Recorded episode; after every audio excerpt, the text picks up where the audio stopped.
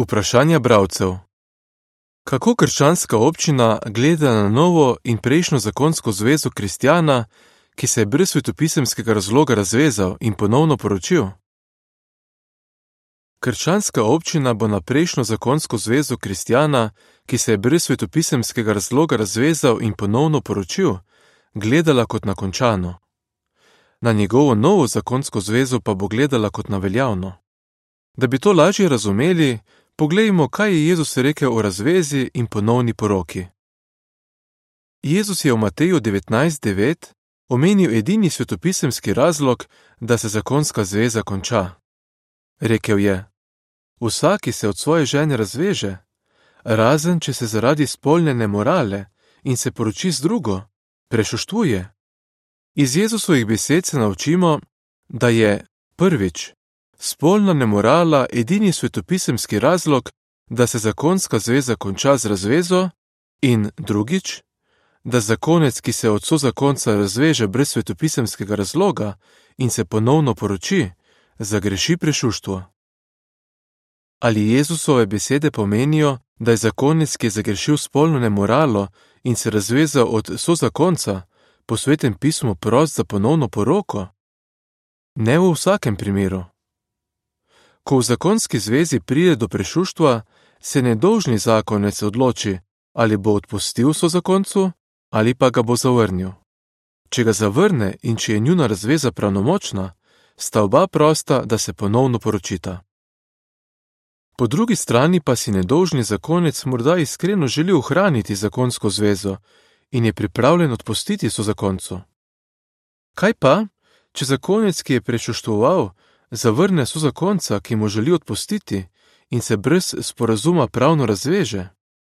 Ker mu je nedolžni zakonec pripravljen odpustiti in nadaljevati zakonsko zvezo, po svetem pismu ni prost za ponovno poroko.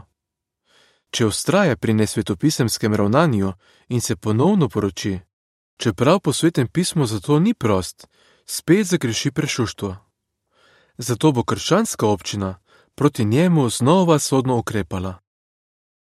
Kako krščanska občina gleda na novo in prejšnjo zakonsko zvezo kristjana, ki po svetem pismu ni prost za ponovno poroko? Ali je prejšnja zakonska zveza glede na sveto pismo še vedno veljavna?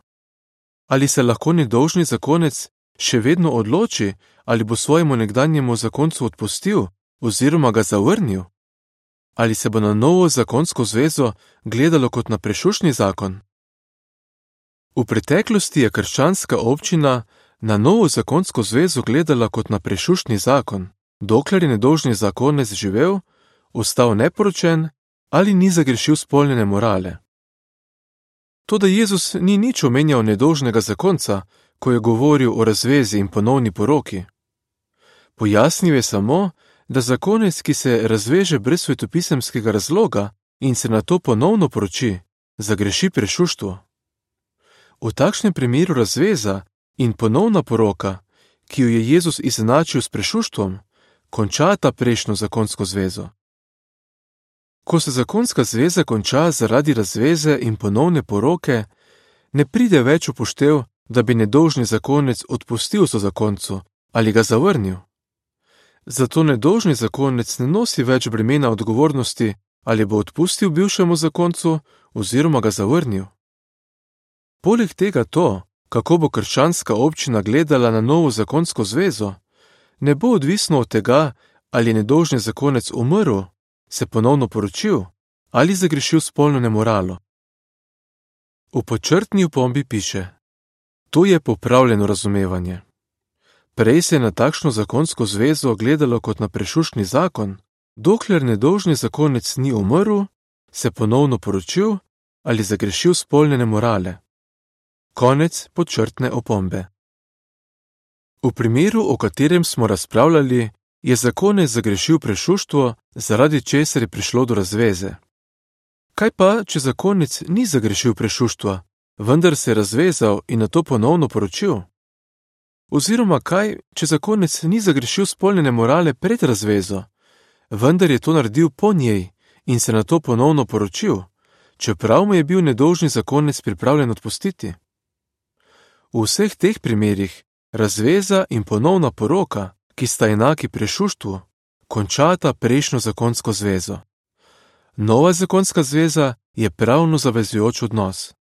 V stražnem stolpu 1. marec 1980 na 32. strani piše: Sedaj je sklenil nov zakon, tudi s tem se ne more enostavno vse zaključiti in stvari ni mogoče postaviti tako, kakor so bile prej. Prejšnji zakon se je končal z razvezo, zakonolomom oziroma prešuštvom in ponovno poroko. To popravljeno razumevanje ne zmanjšuje svetosti zakonske zveze ali resnosti prešuštva. Če se zakonec razveže brez svetopisemskega razloga in se poroči s kom drugim, čeprav po svetem pismu za to ni prost, bo krščanska občina proti njemu sodno ukrepala zaradi prešuštva. Če je njegov novi zakonec kristjan, se bo tudi proti njemu sodno ukrepalo zaradi prešuštva. Čeprav se na zakončevo novo zakonsko zvezo ne bo gledalo kot na prešuštni zakon, takšen zakonec ne bo primeren za posebne naloge v občini še mnogo let, oziroma vse dokler se drugi ne bodo več vznemirjali zaradi njegovega pristopka ali imeli občutka, da si ne zasluži spoštovanja. Pri tem bo treba upoštevati tudi okoliščine bivšega zakonca, s katerim je morda ravnal zahrbtno, in mladoletnih otrok, ki jih je morda zapustil. Posledice nesvetopisemske razveze in ponovne poroke so resne. Zato si modr kristjan prizadeva ohranjati Jehov pogled na svetost zakonske zveze. Konec članka. Če želite več informacij, prosimo, obiščite naše spletno mesto www.jdvojniv.org poševnica sl. Konec revije.